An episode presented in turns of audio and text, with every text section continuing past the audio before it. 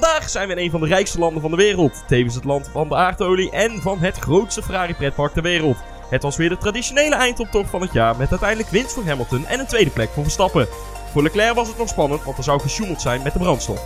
Tevens bespreken we ook het dilemma rondom de banden van 2020 en zijn ook alle coureurs voor volgend jaar definitief bekendgemaakt. Vandaag bespreken wij de GP van Abu Dhabi. Welkom bij de Nederlandstalige Formule 1 podcast voor liefhebbers door liefhebbers. Waar wij terugkijken op de race van afgelopen weekend en we ook het nieuws van de dag bespreken. Onthoud dat een lach altijd op de loer ligt en woordgrappen niet worden geschuwd. Ga maar eens rustig voor zitten, want dit is weer een gloednieuwe aflevering van Drive True NL.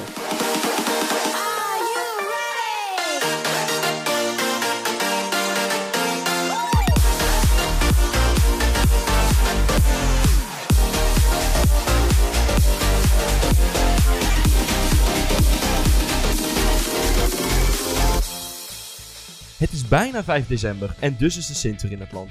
Voor iedereen is dan ook het cadeau uitgekozen wat bij hem in zijn schoen belandt. Eén ding is wel een soort publiek geheim. Voor vandaag gaat de intro dan eenmalig ook in rijm. Oh jee.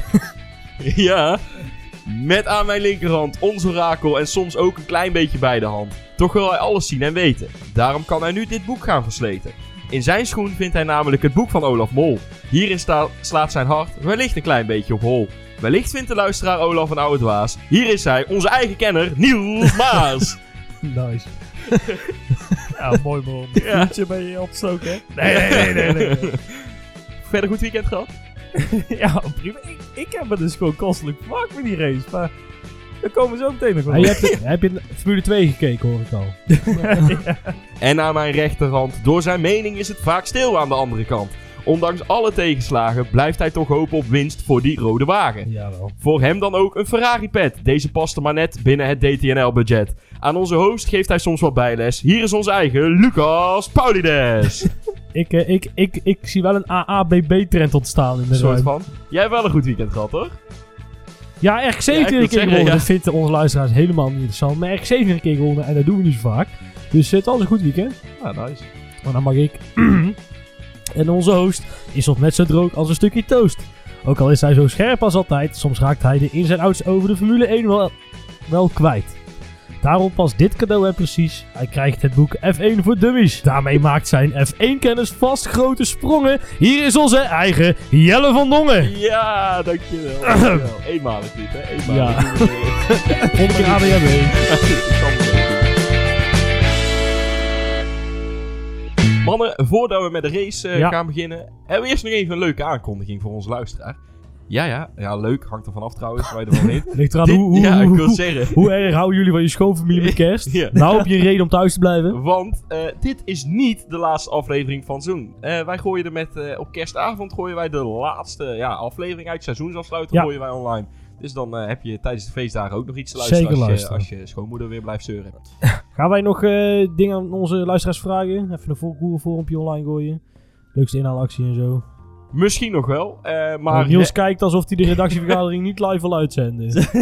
maar goed, mocht de luisteraar nog iets te vragen hebben, dan kan hij dat natuurlijk altijd. eh, Altijd. En, eh, en houden we onze socials een beetje in de gaten. Ja, die zijn eh, best wel eens inter- best, kan best interessant zijn vaak, hè? Ja, onze social man die eh, denkt daar misschien anders over. Nee, daar komt vast nog wel eens wat bij. Hou ze inderdaad in de gaten. Twitter, Facebook en Instagram. En DriveTrueNL. En dan eh houden jullie helemaal op de hoogte. Ah, oké. En misschien hebben we groot nieuws. Oeh, oeh, oeh, spannend. Hey, eh, goed, dan nu wel over de race. Ehm, laat ik vooropstellen, het was wederom niet het weekend van Ferrari. Het ging allemaal niet goed. Het, eh, dat begon eigenlijk al in een vrije training 1 met, eh, met Vettel. Die eh, denkt, ik, zet, ik doe even een mooi pirouetje. Hij begon al vroeg aan de donuts. Dat, is daar ook wel heel lastig. Een klein stadiongedeelte. En ja, stadion onder het hotel door. Er zit 200 man te kijken en jij doet het stadiongedeelte. ja. dat is daar veel, hè? ja, nou wel ja. In China niet. Oké, ja, nee. Nee, dat is de laatste sector. Dus dan, ja. Ja. dan we willen dus zo snel mogelijk die bocht uit. En dan zie je dat je uiteindelijk je achterbanden nogal warm worden. En als je daar al niet zo'n held in bent, zoals die eh, gast uit Marinello. Ja, dan, eh, dan wil het wel eens gebeuren dat je achterstevoren komt te staan. Het gebeurde niet alleen de Ferraris, want ook Giovinazzi of zo. Ook Leclerc. Oh ja, ja nee, de Ferraris. Hij reed volgens mij als rijdt in de Ferrari, dacht ik. En eh Giovinazzi of Kimmy. In ieder geval een Alfa die had het ook. Ja, eh achterbandjes. Als je er net niet even snapt, dan eh, sta je zo achterstevoren. Toen dacht Vettel, wat ik in VT, VT2 kan of VT1 kan, dat kan ik in de kwalificatie dan ook ook. een Alleen dan twee bochten verder. Ja. Ook een beetje lullig. Ja, beetje, ja.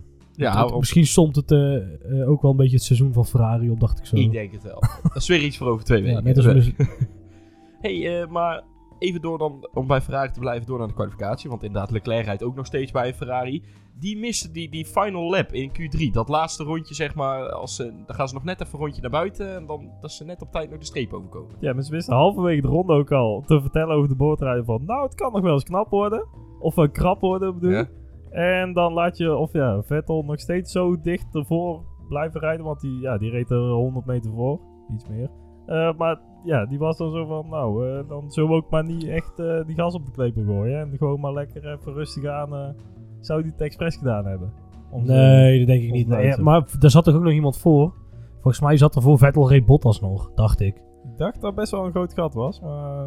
Oh goed, nou dat zou kunnen. Ik weet niet, ik dacht, ik dacht op de beeld te zien dat, eh, ik moet zeggen dat het ook een beetje hectisch was zaterdag. Dus ik heb ook de kwalificatie niet bijzonder goed gezien. Maar ik dacht dat er nog iemand voor zat. Dus ja, ze konden ook geen kant op. Ik denk, als hij het echt bewust had gedaan en Leclerc het had door, dan had hij waarschijnlijk weer zitten zeiken in de media. Dus ik denk dat het al wel meeviel. Het is een beetje slordig en ook een beetje lullig. En uiteindelijk Vettel zijn run leek ook nergens op, want die had uiteindelijk... Zijn laatste run was 1,1 seconde langzamer dan de poltijd. Dus, eh, maar zijn eerste tijd was sneller. Dus eh, ja, Ja. we gooien hem weg achteraf. Precies. Ja, en dan wil ik het eigenlijk met jullie gaan hebben over eh, het puntje een beetje waar ja, eigenlijk Leclerc vooral wat commotie om kreeg. En vooral in het nieuws stond deze race. Er was iets niet helemaal goed met brandstof. Hij had het verkeerde type of had hij te veel? Wat was het? Ja, ze, eh, ze hebben dus een verkeerde eh, hoeveelheid brandstof in kilo's eh Ja. door, verkeerd, verkeerd doorgegeven. Hey, hey, hey, nee, laat maar zitten trouwens, sorry.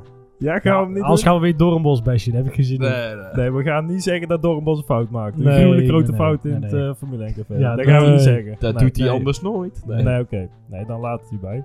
Eh, maar eh, nee, ze hebben er gewoon de verkeerde hoeveelheid brandstof doorgegeven aan de FIA. En dat was uiteindelijk bleek dus dat ze 4,88 kilo Kijk. er vanaf zaten. Ja, precies. Heb je Ja. cijfers op orde? Ja, En, eh, maar ja, heel apart. En ook wel een beetje, hè?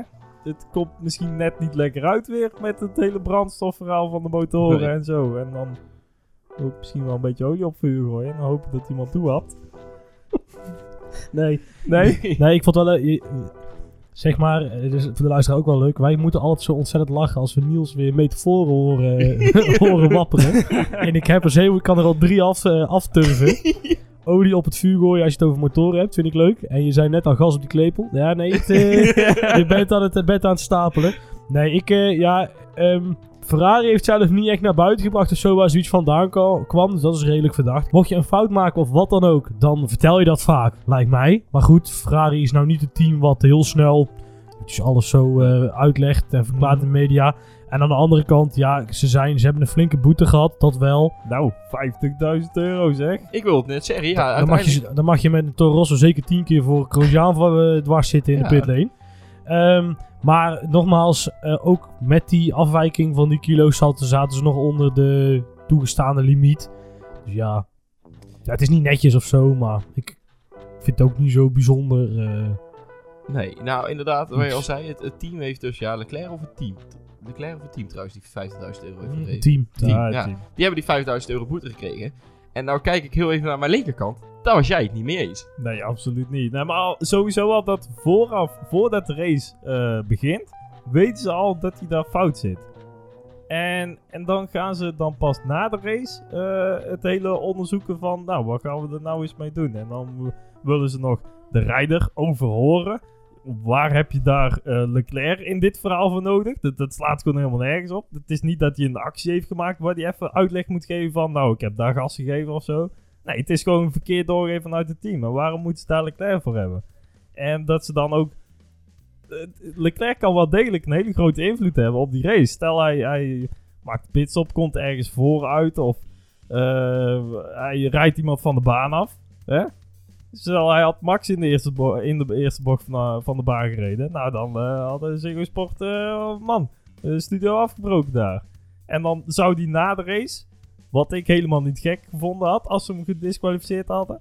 Dan hadden ze hem nog uit de Nee, uitslag maar- genomen. Nogmaals, ondanks dat ze dat wel verkeerd doorgeven, heeft hij wel gewoon een legale auto. Want het aantal brandstof wat hij bij had, net als de alle andere dingen in die auto, waren gewoon legaal verder.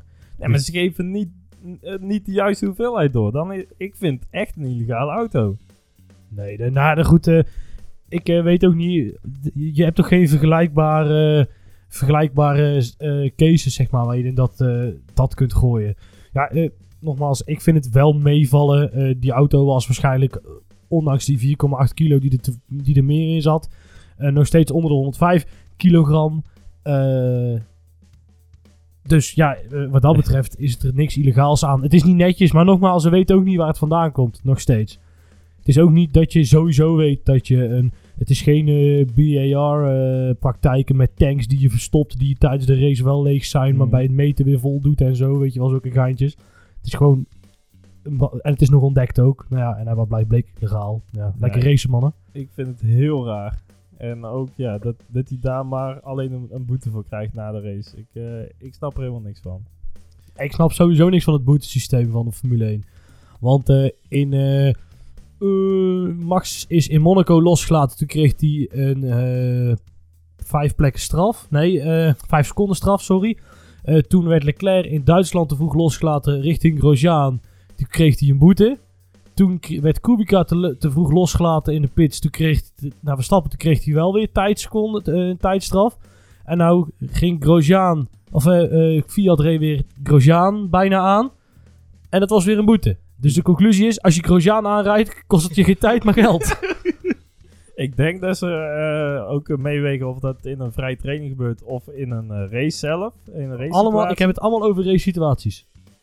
Nee, ook Nou, die laatste niet, maar die eh, andere waren allemaal race situaties. En verder, ja, het heeft er ook mee te maken. Toen het met Bottas en Max in, in Monaco was het vooral dat. ehm, ondertussen gaat onze Ja. bijna dood.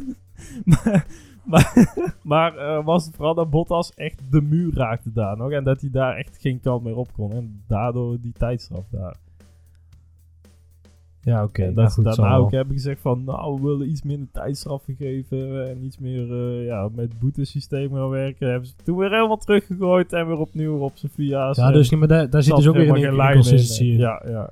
Over inconsequente straffen, nou gaan we het helemaal door elkaar gooien. De, Waar ik nou niet snap, is dat er bij Bottas Grosjean, dat, eh, eh, dat die crash, of tenminste die eh, botsing, dat daar nul actie uitgekomen is. Dat vind, dat vind ik nou echt bizar.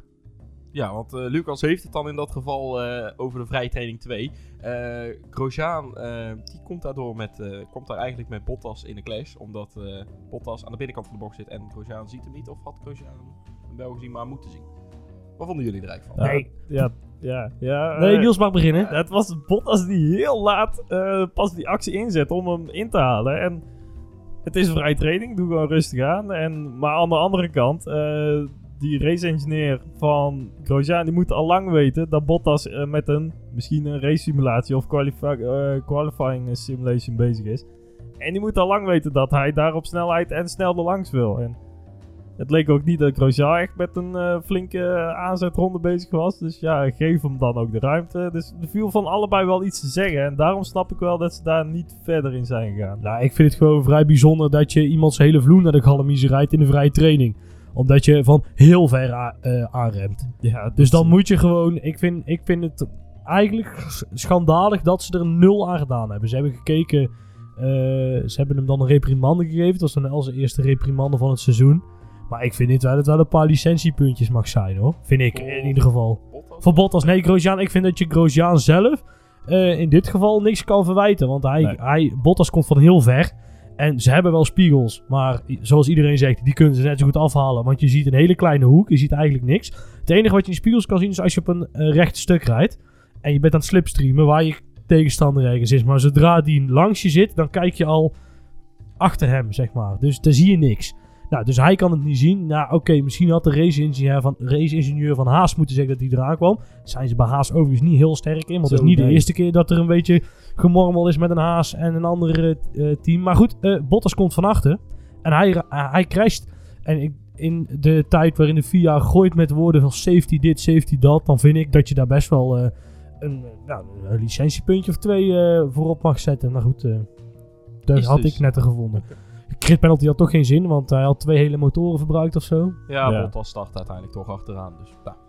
hey, ik wil toch wel heel even terug naar Ferrari nog. Ehm, dan voornamelijk eigenlijk eh, met Leclerc. Ja, bij Vettel moet ik eerlijk zeggen, de eerste pitstop geen ruk. Over die pitstop trouwens wel. Twee keer een dubbele pitstop uitgevoerd, Ferrari. Ja. Nou, met die tweede nog best veel ruimte. Maar dan toch, die eerste zag er toch best eh, soepel uit. Totdat Vettel kwam. Ehm, maar over Leclerc, die ging nog in- in goed gevecht met Max. Want dat was nog wel even, nou, eh, wie komt er op P2, wie komt er op P3?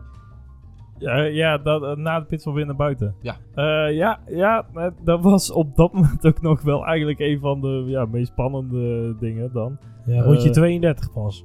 Toen was het een keer, hey, hey, er Ja, gebeurt wat. Net, Ja, voor, vooral- net voordat ik vroeg, jongens, wordt het nog interessant eigenlijk. ja. Nee, klopt. Ja, ja. En voor de, ja, ook daar, er was nog best groot gat dan. En het was dat Vettel dan weer net achter Hulkenberg met, eh terecht kwam samen met, met Bottas. Door die Ja. ja. verklote pitstop eigenlijk. Ja. Waar ik eigenlijk nog steeds niet echt weet wat daar nou misging. Nee, eerst was het linksachter. Die, eh even kijken, linksachter ging half goed. Maar linksvoor ging helemaal niet goed. Dan hebben die dus een extra duwtje gegeven en hebben ze die vastgedraaid. Maar bij, eh hoe heet het, bij, ik was, eh, dit, dit keer was ik via Formule 1 TV aan het kijken, bij wijze van experiment. Dus, eh, eh, dus ik had ook de, het Engelse commentaar heel de race. En die zeiden van, ja, dan krijg je zo'n dubbele pitstop doet. En, eh, maar ik geloof daar niet zo in. Volgens mij is dat gewoon brute pech. Dat zo'n wiel er niet helemaal lekker op gaat. Want het was ook weer niet zo heel close. Want ze hadden genoeg tijd om die band weg te leggen en een nieuwe te pakken.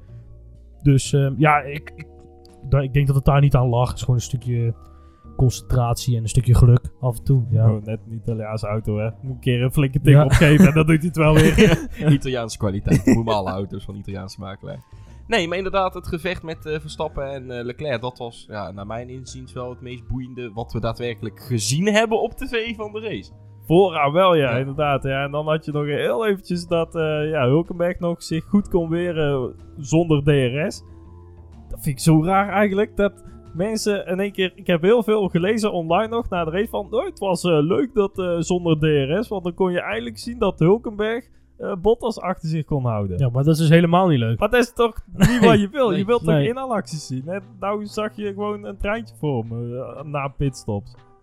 De, ik, ik snapte heel die beredenatie. Nee, ik ook Maar niet goed. helemaal. Maar ik snap wel dat je zegt van, ik vind... Het, dat heeft ook te maken met waar, waar start je. Het is gewoon leuk om te zien dat een, een, een achterblijver een goede auto tegen kan houden. En dat staat een beetje bij mijn punt. Wat ik vorige week maakte, dat als je dus inhalen heel makkelijk maakt...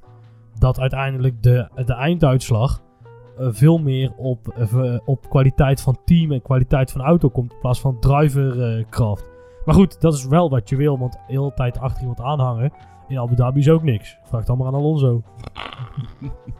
Maar goed, hey, nu we het toch over DRS hebben. Ik heb daar eh, wat vragen over eigenlijk. Ehm, ja, ik vroeg me in eerste instantie af, ja, hoe kan het in godsnaam dat DRS niet werkt? Nou, het scheen een, een serverprobleem Ja. te zijn achteraf. Nou, de meest technische oplossing ter wereld, die werkte. Keertje uitzetten, keertje aanzetten. Ja. Eh, maar ik, ik vraag me af, zijn die auto's dan verbonden met wifi of bluetooth of een of ander ander systeem? Want ja, die auto's moeten toch dat signaal doorkrijgen van... Ja, eh, sowieso die lifetiming is centraal, centraal geregeld. Want anders krijg je dat Ferrari zegt... Ja, maar ja, hij zit meer dan een seconde... Of minder dan een seconde voor ons. En dat de, de auto ervoor zegt... Ja, maar wacht, het is wel zo. Dus dat moet je centraal regelen. En volgens mij, maar dat weet ik niet zeker... Is er een apart netwerk... eh, draadloos netwerk... Wat rond het circuit wordt aangelegd... Wat speciaal voor die auto's eh, is om mee te communiceren. Dat zal niet...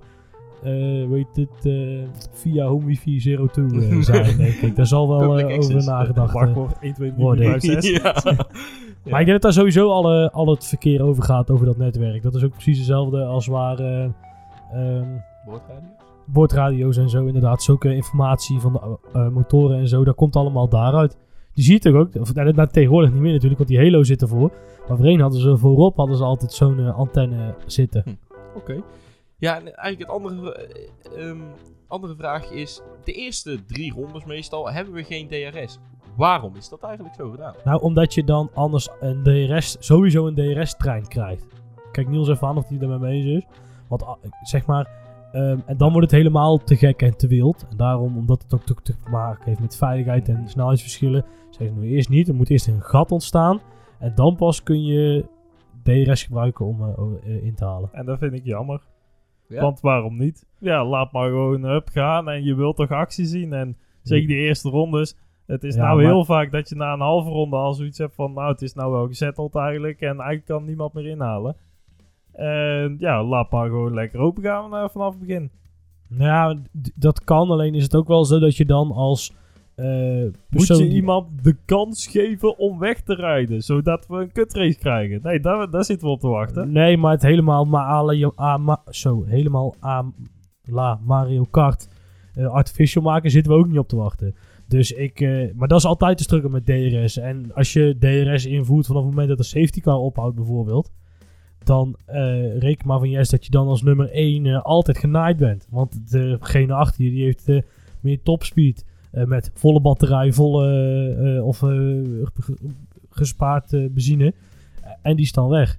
Ja, en de vraag is hoe, hoe ja, puur je het, eh, het dan nou. Ze denken 2021 zonder DRS te kunnen. Dus dan is het vraagstuk helemaal niet meer eh, van belang. Overigens ook wel fanatieke gedachte. Want er is geen enkele topspoor of topraceklasse zonder artificial manier van snelheid verschil maken. Zelfs in die IndyCar hebben ze 120 seconden of zo aan Ja, extra push to vermogen. pass, ja. ja. push to pass. Of, nou, en eh, overal heb je dat. Formule E die heeft natuurlijk eh. Mario Kart, eh, Attack mode, ja. Attack Mode En en, fan boost. Fan Ja. Boost. Maar en Formule 1 ook. Dus is dat niet eigenlijk gewoon heel jammer dat we dat nodig hebben? ja, dat is gewoon inherent aan autoracen. Want wij willen dat het allemaal anderhalf uur lang ontzettend leuk is.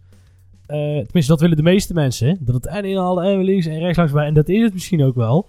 Ehm, alleen dat kan bijna niet zonder dat je af en toe een voordeeltje hebt ten opzichte van een ander. Want ja, hoe gelijker de auto is, dan heb jij verstoring en die ander niet. Ja, komt er dan maar eens dichterbij.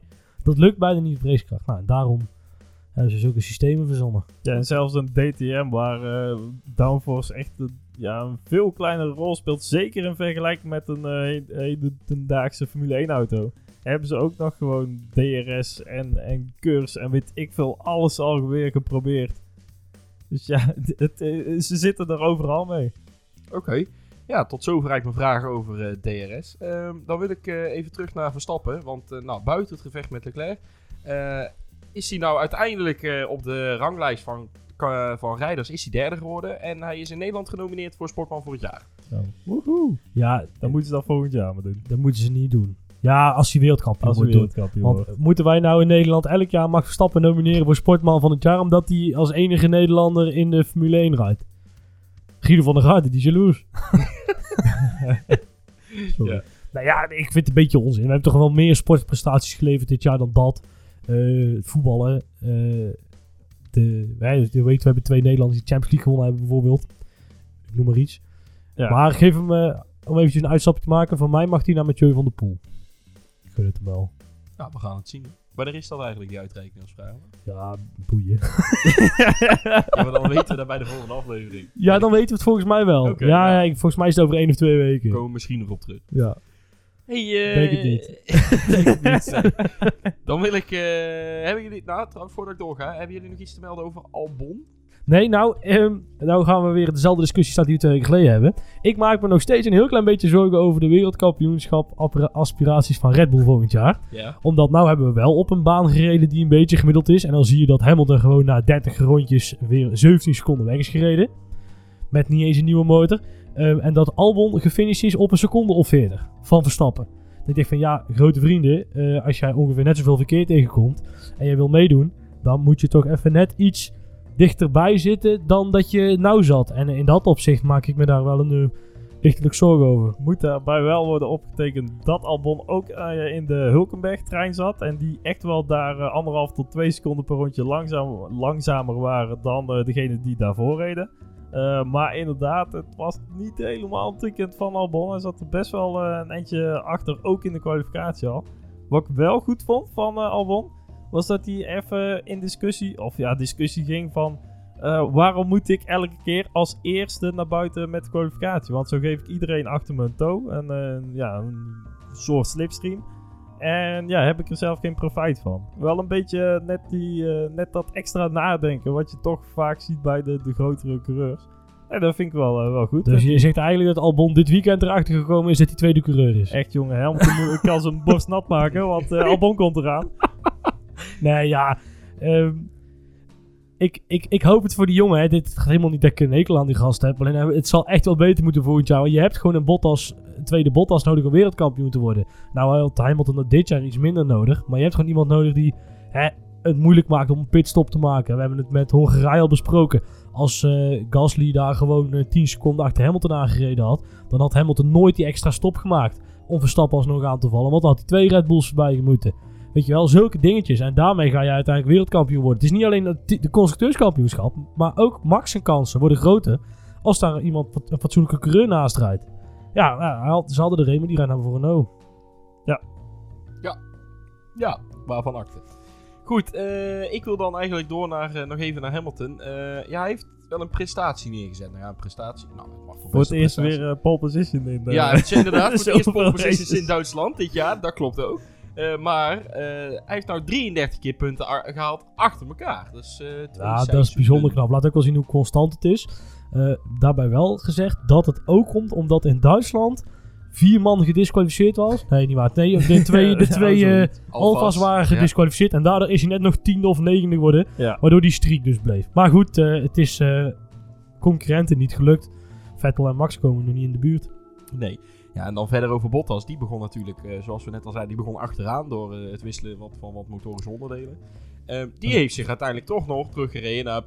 Dat vind ik toch nog wel aardige, Ja, aardige die was eh, onbottas-achtig aan het inhalen daar, hoor. Dat Eng, hè? Ja, dat wa- en Ja, maar- zelfs zonder DRS. Ja, nou is die auto ook wel echt heel veel beter dan de Ja, rest. die hè? was wel flink eh, een stuk Ja. beter. Ze hebben zelfs gekeken dat in de kwalificatie was. De topteams waren net zo snel als vorig jaar. Wat niet zegt dat de auto niet beter is geworden, maar de, de Hmm. omstandigheden waren slechter. Maar ehm, eh, er is geen enkel team wat zeg maar de, de andere omstandigheden heeft weten te compenseren. Buiten die drie topteams. Al die anderen waren langzamer dan vorig jaar. Dus dat laat ook wel zien dat daar ook wel weer een, een, een prestatieverschilletje in zit. Maar goed, en verder Bottas eh, prima race verder. Maar ja, het is... eh, in de Mercedes kan... eh, Ja, en dat Hamilton ook nog veel harder kon eigenlijk. Hij reed eh, Ja. op het begin, die eerste eh, zeg 20 rondjes, 2, 3 tienden sneller dan Max elke keer. Dan zat hij net buiten die, eh, die safety car gap, waar de, of ja, safety car window, waar dat Hamilton ook even over sprak tijdens, tijdens de race. Dat laat zien hoe ontzettend op zijn gemak hier reed. Als je daarover na kunt denken. Ja, je zag van- ook dat, dat Bottas echt verschillende rondjes nog 4 tienden sneller was of zo dan Hamilton. Nou, dan, dan, dan klopt er iets niet. Nee. Nee, wat ik uiteindelijk ook nog wel frappant vond, is Hamilton heeft uiteindelijk de snelste raceronde binnengepakt. Maar die had eigenlijk bij Leclerc horen te liggen. Want die heeft er nog even zo'n eh, zo'n eh, setje zachte bandjes onder gegooid. En die haalde niet de snelste raceronde binnen. Heeft dat dan te maken omdat hij verkeerd tegenkomt? En dat nee, ik denk dat niet? ook omdat Leclerc nog best wel een flinke Ja. moest rijden op die, eh, Ja. op die rode band. En ja, als je dan dus meteen eh, voor die snelste raceronde wil gaan en eh, die bandjes eraan jaagt. En ja, misschien ook net een beetje pech hebben met verkeer dat je tegenkomt, achterblijvers. Dat je dan, ja, dan is je kans al snel voorbij op die, op die rode band. En ja, die Mercedes is gewoon eh, dominant qua race pace. Oké. Ja, en dan wil ik het eh, hier eigenlijk behouden wat betreft eh, de top drie teams. Eh, dan nog even concluderend qua plekken. Hamilton, het begon op pole, is ook geëindigd op P1. Eh, Verstappen begon op P2, is geëindigd op P2. Ik voel een trend aankomen. Ja. Dat Leclerc, heet Abu begon, Dhabi. Ja, Leclerc begon op 3, is geëindigd op 3. Bottas eh, die begon op 20, die eindigde dan op 4. Eh, Vettel begon op 5, die eindigde ook op 5. En Albon die begon op 5 en die eindigde op 6. Het kan zo makkelijk zijn af en toe. hey, dan wil ik door naar het nummer 4 team. Dus uiteindelijk degene die best of Ja. de rest is geworden. McLaren. Fucking vet. Sainz, heeft gewoon Renault outscored. Ja, is een eentje, hè? Ja, Ja. Renault heeft 91 WK-punten en Sainz 96 of zo. Ja. Holy. G. Ja, dat was gewoon heel vet. Ja. Gewoon, En ja. ook vooral hoe. En zo. Oh, In de laatste ronde nog eh, één groot eh, gevecht. Eh, wat eh, niemand gezien heeft, tenzij dat je een beetje op Reddit kijkt. Eh, ja, Ja. magistraal. Ja, was echt een geweldig gevecht. Nog heel de race eigenlijk. Dat eh, eerst nog de twee McLaren's met elkaar in de clinch lagen. En daarna kwamen de twee Renaults er ook nog eens bij. Zo van, ja jongens, we willen eigenlijk ook wel meedoen. Dus je niks aan. En eh, ja, Ja. toch nog een beetje vuurwerk voordat de race al af is gelopen. En eh, ja, die gingen lekker met elkaar in gevecht. Maar ja, inderdaad, daar hebben we weer op niks van. Daar hebben we niks van gezien. Maar het bleek uiteindelijk ook nog hè, qua standen ook nog ergens om te gaan. Want uiteindelijk is Hulkenberg, dan zei hij net, nog twee plekken gezakt. En is Norris Ja, in de nog laatste nog. raceronde inderdaad heeft hij nog eh, ja, twee plekken moeten toegeven op Maar- Norris en Ricciardo. Ja, dat komt omdat toen dacht je... Nee, Sainz. Want eh, Norris was met Perez aan het vechten. Ja, klopt. Ja, Dus- het was in ieder geval een eh, McLaren. Dus ja, eh ja. weet dit. Maar je zag inderdaad op de beelden vanaf Ricciardo zijn auto dat ehm Sainz er voorbij wipte. Ja, En dat je toen Hulkenberg eh, s- een bak overstuur zag hebben. En dat daardoor Ricciardo er voorbij kon. Ja. In die...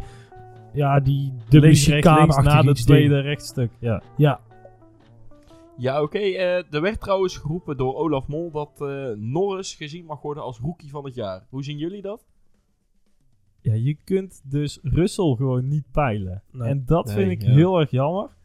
Ehm, maar Norris heeft met de middelen die hij heeft gehad... eh, ja, toch wel Sainz benaderd in sommige races. Niet erbij gezeten.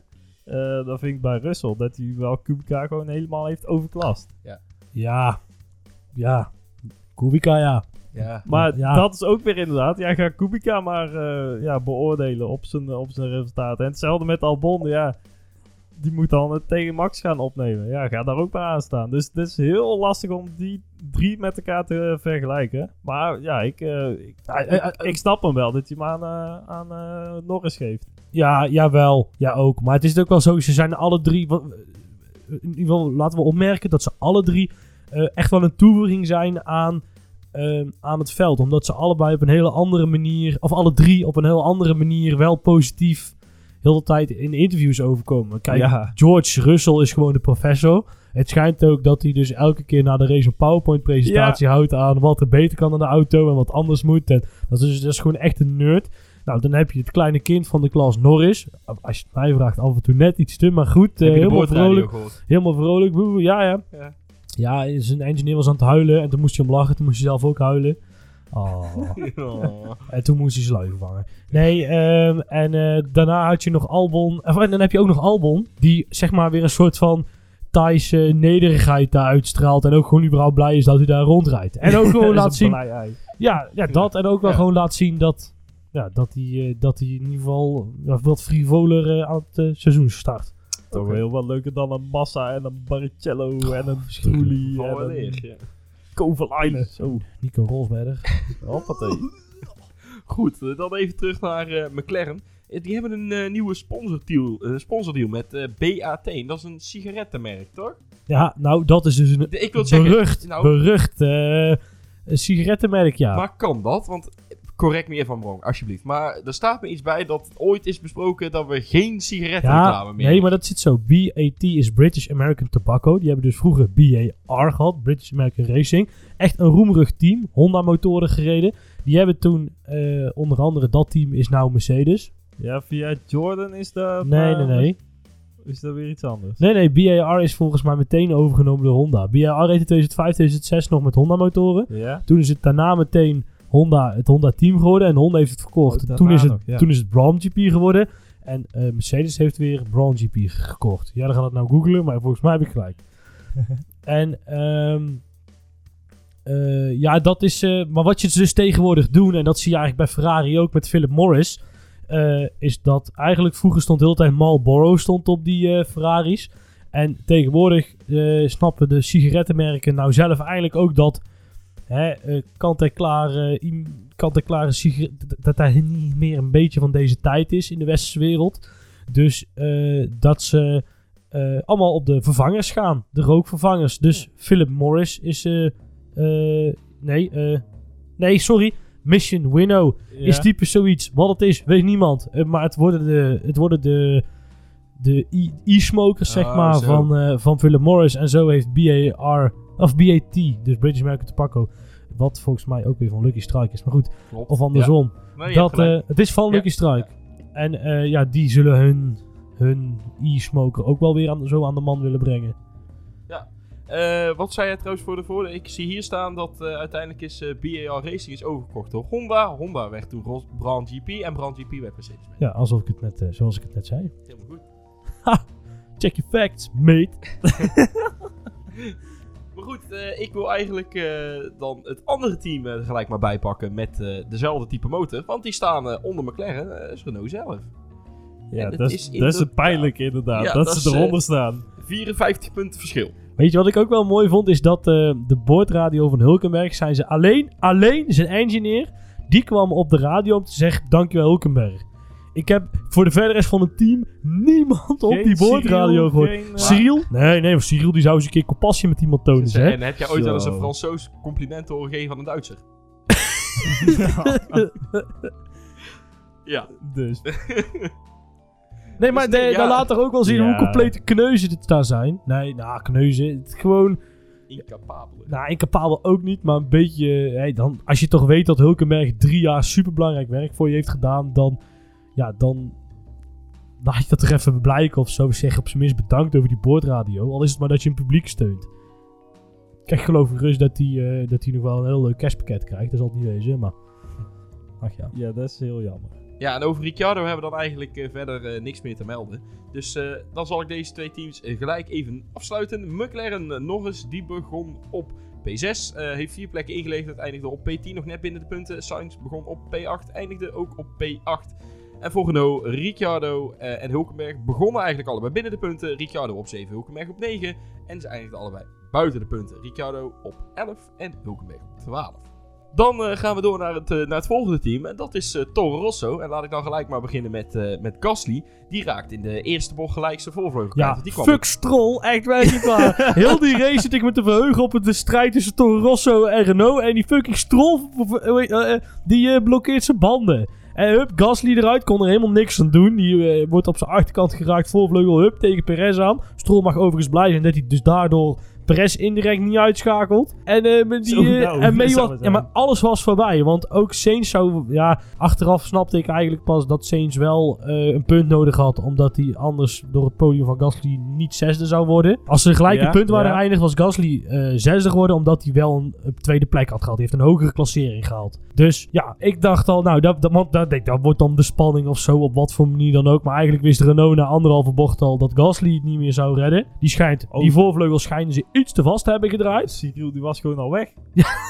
ja, de anderhalve ronde. eh, Ja. Bekijk het maar. Die Ja. dacht, hey, Trembier, ik ga naar het vliegveld. Daarom hebben we hem ook niet gehoord bij Hulkenberg op die radio. Ja, had ik Kijk. even kunnen inbellen. Nee, maar uiteindelijk, ja, het was eigenlijk inderdaad, zoals je al zei, meteen eigenlijk bijna gedaan. Ja, eigenlijk het was gedaan voor Toro Rosso en voor, eh voor Cynthia. Ja, nou uiteindelijk was het zo dat als Fiat nou nog zesde was geworden, wat echt nooit meer ging lukken, maar goed, dan had Renault, omdat ze buiten de punten waren geëindigd, ook nog, eh, ja, was dat ook mislukt. Ja, dat is niet, want K- Fiat werd achtste uit mijn hoofd. Negen. Negen. Negende, Ja, natuurlijk zo. Ja, negende. Magistrale race overigens, verder. Ja. Qua tempo, als je ziet hoe die vandaan komt, hij kwam van, daar even Jelle voor zijn neus Dertien. nou. 13, nou, dat heb je toch goed gedaan. Ja. En een Ja, goede eh, assistent gereden trouwens. Zei hij ook eh, in de interviews. Oké. Heel lang op die hards doorgereden. Ja. Ja, ja. Ook best wel een tempo. En een prachtige Grosjean-imitatie. Zo. Zo. Die moet je even terugkijken op de Ziggo Sport Twitter of zo zal die wel staan. Staat die ook uitgeknipt? Repost hem nog wel even. Jelle repost hem even en dan doet hij ook iets op Twitter. Ja, nou, en dan even terug naar Racing Point. Stroll, die eh, dacht dus op een gegeven moment, weet je wat, kom lekker binnen. We parkeren die auto, we gaan lekker naar huis, we gaan aan de, aan de Rozenwaard. Ja, en dan, eh, ik heb wat onderzoek gedaan naar eh, papa Stroll. Want jongens, iedereen die de afgelopen twee jaar naar jij, denkt, jij denkt wat hij heeft gedaan, moet ik ook gaan proberen. Kan ik ook gewoon, hè? Want jongens, ja, iedereen die de afgelopen twee jaar naar de Formule 1 heeft gekeken, die weet nou eigenlijk wel dat Lance Stroll nou niet in de Formule 1 rijdt, omdat het nu de meest geweldige toptalent is. Nee, eh, Lance heeft zijn stoeltje te danken aan zijn vader. Maar wie is nou eigenlijk deze Lawrence Stroll? Papa Stroll is het meest bekend geworden binnen de F1 door de aankoop van het Fiat Force India. En mogen dan ook duidelijk zijn dat de beste man nogal wat centjes heeft. Dit geld heeft hij veel al verdiend in de kledingbusiness. Zo heeft hij Ralph Lauren ooit groot gemaakt in zijn geboorteland Canada. En heeft hij Tommy Hilfiger en Michael Kors miljoenen bedrijven gemaakt door er flink in te investeren. Dit alles heeft hem zo'n vermogen opgeleverd van, nou, zo ongeveer 2,7 miljard dollar. En dit geeft hij dan ook uit aan nou, best leuke hobby's. Zo bezit de beste man eh, een beste Ferrari-verzameling met onder andere een 250 GTO en een 330 P4. Tering. Van die laatste zijn er maar drie gebouwd in de wereld en Lawrence scheurt er dan ook gewoon lekker rondjes mee op het circuit. Zijn grootste hobby is nou eigenlijk wel zijn zoon, want zonder de financiële input van Lawrence had zijn zoon nu niet gezeten waar hij zit. Achter elke prestatie van Lance staat dus eigenlijk gewoon een grote zak geld van papa's rol. Met geld valt dus echt wel alles te kopen. Dus ook voor ons. Nou, in ieder er geval heel veel. Ja, nou, ik vind het bij, La- bij Stroll, en dit is ook hier volgens mij al een keer eerder gezegd. Hij, op het droge is het drie keer niks, maar als het dan nat wordt, dan ineens staat hij weer vooraan. Maar nee, strol is af en toe onder, onder de bepaalde omstandigheden wel... redelijk, Ja, eh, dat. ja. Heel raar. Maar in principe nou ook weer. Dan blokkeert hij weer zo'n wiel. Heel mijn, heel mijn enthousiasme weg. Nou, dan heb ik maar een RKC.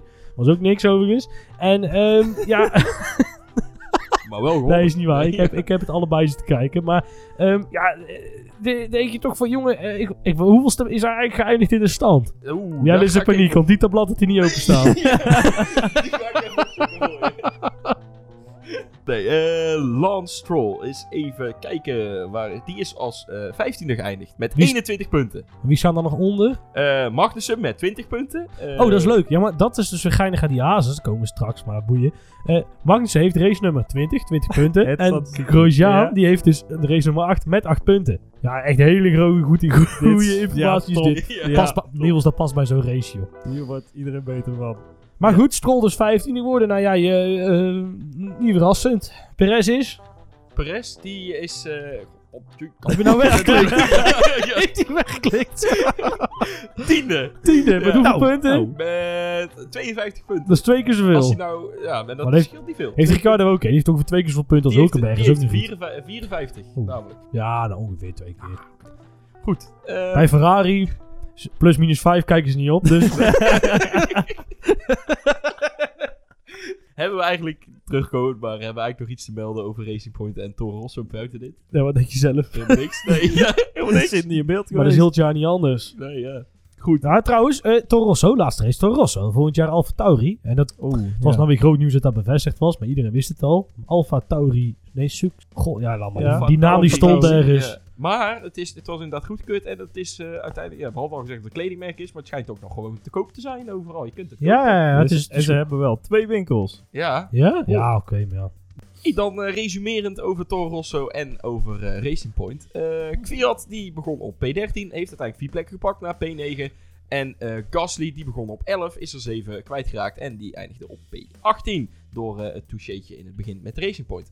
Nou, Stroll die begon dus op eh, P12, die eh, ging naar de garage. En Perez die begon op P10, ging uiteindelijk naar P7. En dan hebben we er nog twee over en dat zijn Alfa en eh, Williams. Ja, en die kwamen elkaar tegen. Williams heeft weer screentime gehad. Dat is op zich wel prettig voor hun ook. En, eh, want Kubica had een touché met Giovinazzi.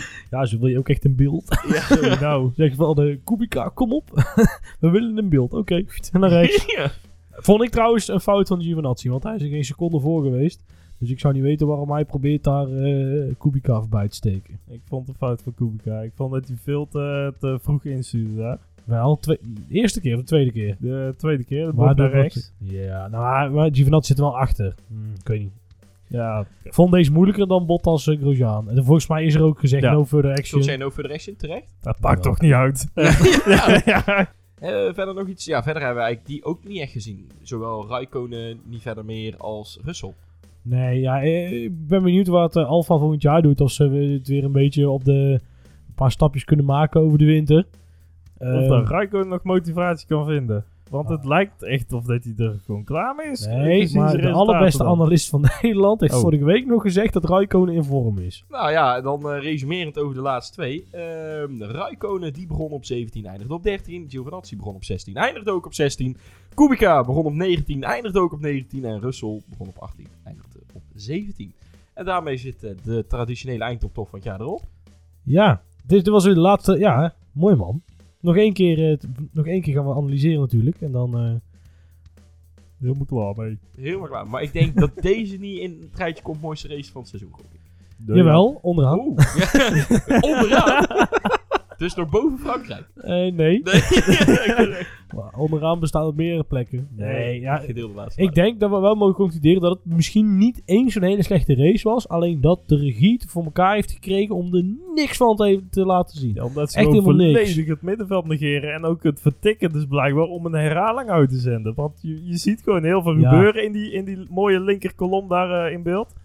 En dan zie je allemaal dingen verspringen en Ja, komt maar heel niks. bijzonder. En dan moet je echt- maar weer op Reddit of zo, of op, op eh, F1 TV snel gaan switchen van... eh, oh shit, ik heb er iets gemist. Het is ook iets wat je ook steeds meer leest op Twitter. Hè? Dat ze ook echt eh, fans ook zeggen van jongens, Dit slaat helemaal nergens op. We krijgen het gewoon niet te zien. Ja, maar nou heb je inderdaad gewoon vijf rondjes lang achter elkaar gezien dat eh, Hulkenberg en ja, de drie erachter eh, achter elkaar aanreden. Terwijl toen nou juist die mooie battle met, eh, met de McLaren's bezig was. Ja, eh, ik snap er niks van. Nee, maar ik vind zal het ook wel. bijzonder. Oké. Hey, dan gaan we door eh, naar de Fantasy League. En voor deze ene keer, omdat het laatst is, pak ik ze er allemaal nog een keertje bij. Oh jee. Ja, ja. Op eh, plek 18 is geëindigd Hottie Boys. Op plek 17 is geëindigd WF1 Racing. Op plek 16 Lianne Racing. Op plek 15 Duke X Joe Racing. Op plek 14 Scuderia Red Bull X Alfa Romeo Racing. Op plek 12, een gedeelde 12e plaats, staat F1 2019 en Neo 25. Op plek 11 met maar één puntje meer staat Die Hard to the Max. Op plek 10 staat El Grande Pequeño. In Op de plek- punten. ja, ja. Ja. In plek 9, st- op plek 9 staat Gunther Steiner. Op plek 8 staat Red Cow Racing. Op plek 7 eh, sta ik zelf. Ik begon zo goed, maar Nijn is zo slecht. Een soort Kimi Räikkönen van de Je League. moet nog een half minuut doorskippen, dan bent u er. Ja, op plek 6 is Druiftroenel Lucas. Op plek 5 staat Druiftroenel Niels. Op plek Oh. 4 Turbo Thijs. Op plek 3 F1 Octopus Paul. Op plek 2 Vossen Racing. En op plek 1 Hybrid Hidden. Je blikjes... eh Wordt ja, naar Zweden opgestuurd. ja, precies. nou, dat trouwens, die neem ik even terug. Is geen alcohol, hè? Hallo. Dat is invoering. Oh, ja, oh, ja. budget, hè. Het budget is Ja. niet- Ja, daarom. Maar Hubert Hidden, van harte gefeliciteerd.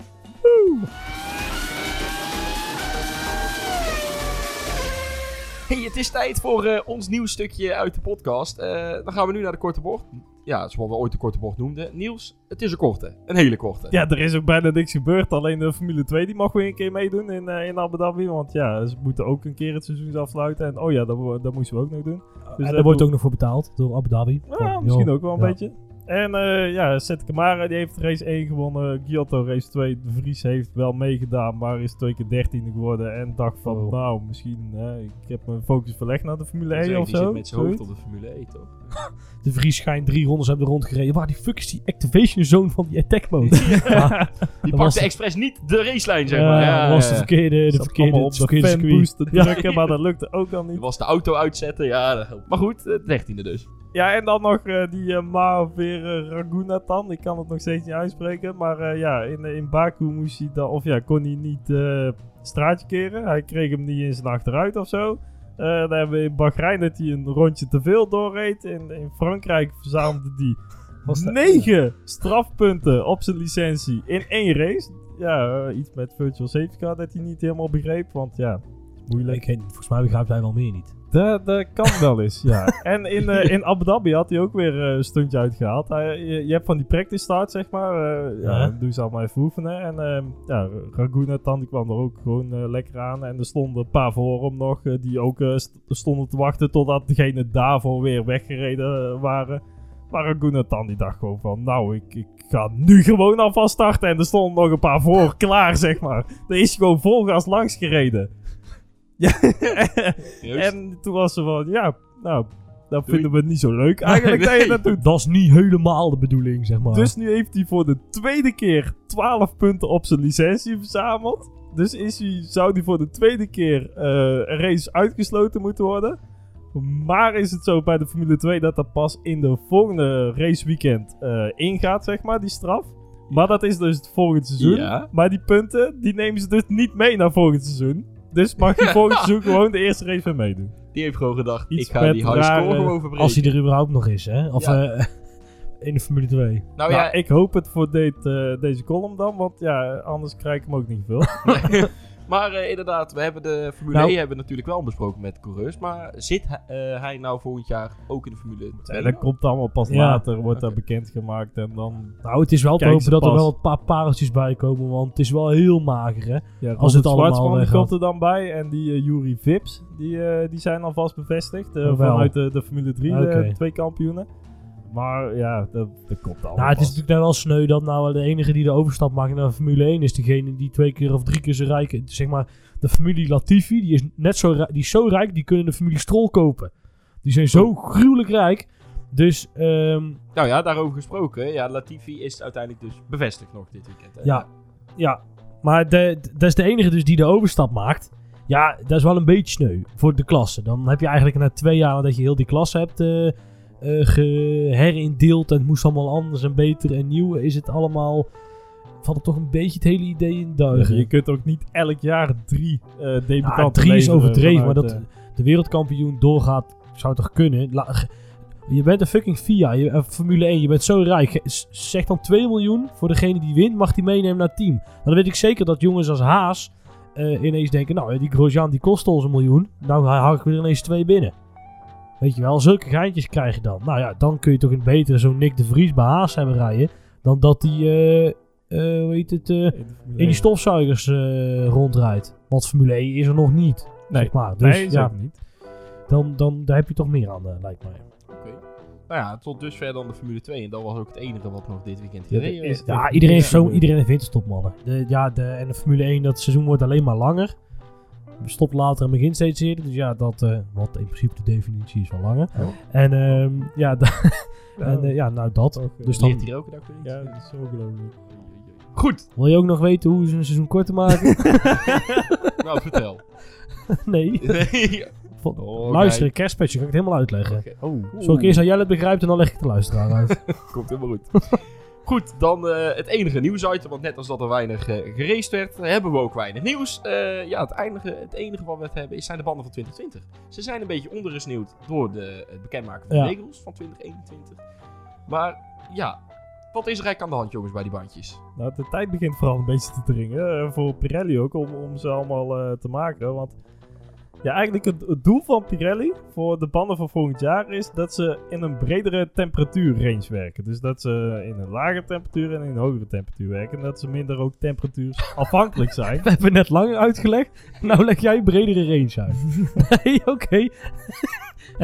Ze zijn niet achterlijk, hè, onze luisteraars. maar ik wel. Nee. Ja, we dachten, oh, daar werken ze ook op motorfietsen en op eh, scooters en eh, die bredere range. Nou, ze hebben die banden dus eh, getest ook in de vrije training in, eh, in Austin. Nee, dat was eigenlijk gewoon één grote, één grote flop. Maar dat was het had ook weer, had Pirelli weer later gezegd, want ze reden met de verkeerde bandendruk. En ze konden niet heel, heel de auto gaan aanpassen tijdens de vrije training om die banden goed te laten werken.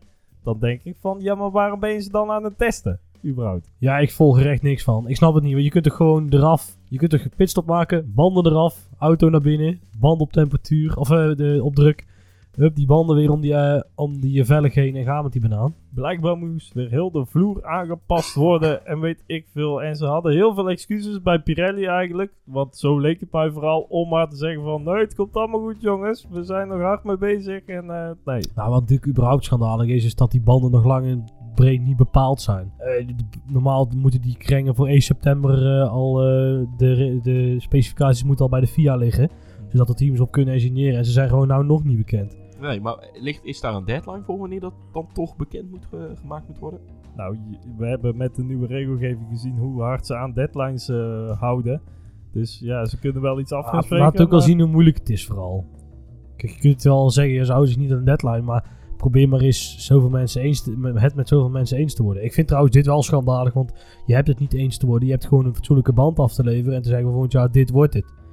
Ja, maar de vraag is dan, wat gebeurt er nou eh, als het niet goedgekeurd wordt door de teams? Moet 70% moet het er geloof ik mee eens zijn. Wat gebeurt er nou als dat niet gebeurt? Dan gaan ze gewoon weer met deze Ja. banden verder. Nou, en en- ik denk ook eigenlijk dat daar Pirelli misschien wel een beetje op hoopt. Nou, ik denk vooral dat Mercedes daar heel erg hard op hoopt. Want zij waren toch het team, zij zijn toch het team wat deze banden het allerliefst eh, eh, heeft. Eh 2018 he- hebben de huidige banden, die net eh, een klein beetje anders eh, zijn ten opzichte van... Let op, zij hebben in 2018 vier races met de 2019 banden gereden. Ja. En die races zijn allemaal magistraal gewonnen door Mercedes, omdat ze geen last hadden van hoge kreding. En ehm, Ja, het was vooral die blaarvorming ook dat Ja. een heel groot probleem was. En daar hebben ze door inderdaad de band iets aan te passen, ja, dat probleem verholpen dit Ja. jaar. En stiekem is Mercedes dat, he- besnapt dat beter. Ferrari snapt die banden helemaal niet. En Red Bull heeft sommige races wel, sommige races niet. Dat ze die eh, banden echt lijken te begrijpen. Bij Haas zijn ze al lang bij dat ze snappen dat die dingen rond zijn en dat er lucht in zit. Want die snappen helemaal niks van die banden.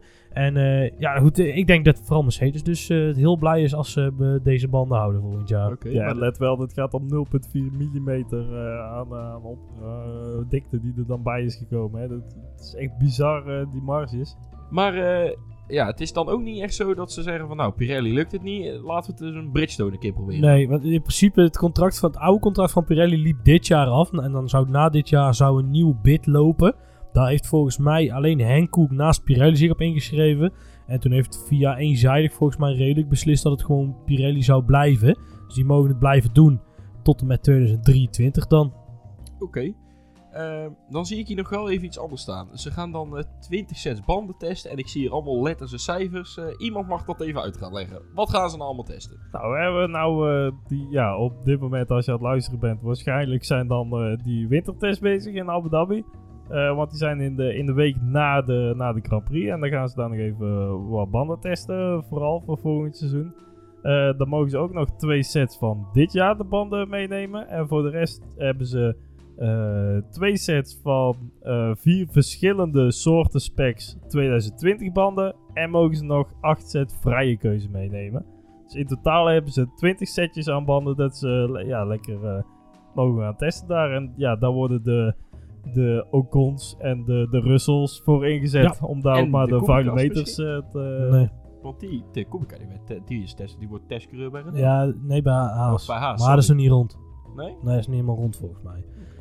Hij was ook bezig met wat hij doet, wat hij precies. Maar inderdaad, de jonge jongens die, eh, die springen in. Ja, en daar eh, mee ronden we eigenlijk Bandengate, om het zo maar even te noemen, een klein beetje af. En we gaan wel zien eh, wat het wordt. Misschien hebben we met seizoensafsluiter hier nog iets over te melden. Ik denk hoop het niet. Ik denk Wel? wel, ja, Wel? ik denk dat dat, ja, toch wel. Ja, moet voor zeker volgend, of ja, de week na de Grand Prix moet er echt een hele grote stap gemaakt worden. En daarna zal ook vrij snel die beslissing volgen vanuit de Formule 1 teams van wat gaan we doen. Ja, dan eh, gaan we nu ook voor de laatste keer eh, dit eh podcastseizoen eh, naar de persoon van de week. Eh, Niels, wie is het geworden? Ja, onze held van het middenveld, wat dat betreft, voor mij, deze race. Ik vind dat hij echt een hele goede race heeft gereden. Hè? Sergio Perez eh, is ook dan eh, ja, zevende geëindigd. En nog ook met een hele goede inhaalactie op het laatste. op, ja, Norris. Norris, Ja. inderdaad. Laatste, laatste paar rondjes nog, dat die echt Ja. goed in gevecht eh, met elkaar waren. En ja, eh, prima race gereden. Oké, duidelijk. Eh, Lucas.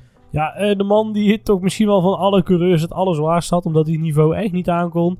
Ehm, maar hij reed er wel gewoon. Was er gewoon onze Robert Kubica. Ja, een wonder dat hij nog in de Formule 1 auto zat überhaupt.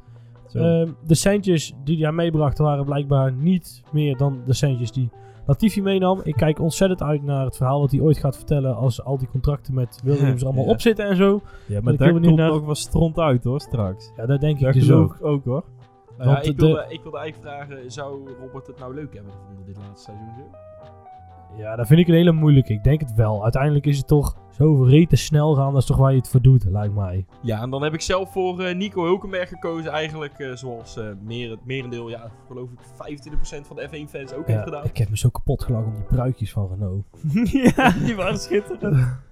Want, eh, maar goed, het was de laatste race. Hij verlaat nu de Formule 1. eh, dus eh, vandaag man of the match. Nico Hulkenberg. Al die zwerfkatten die alles daar op hoofd gezet. Denk het wel. Dat sloeg heel De, mooi. heet die? Karel nog wat van RTL. Ja, ja, Die ja. had, had ook zo'n eh, zo'n eh, Ja? ding opgedaan. Ja, voor een interview. Leuk.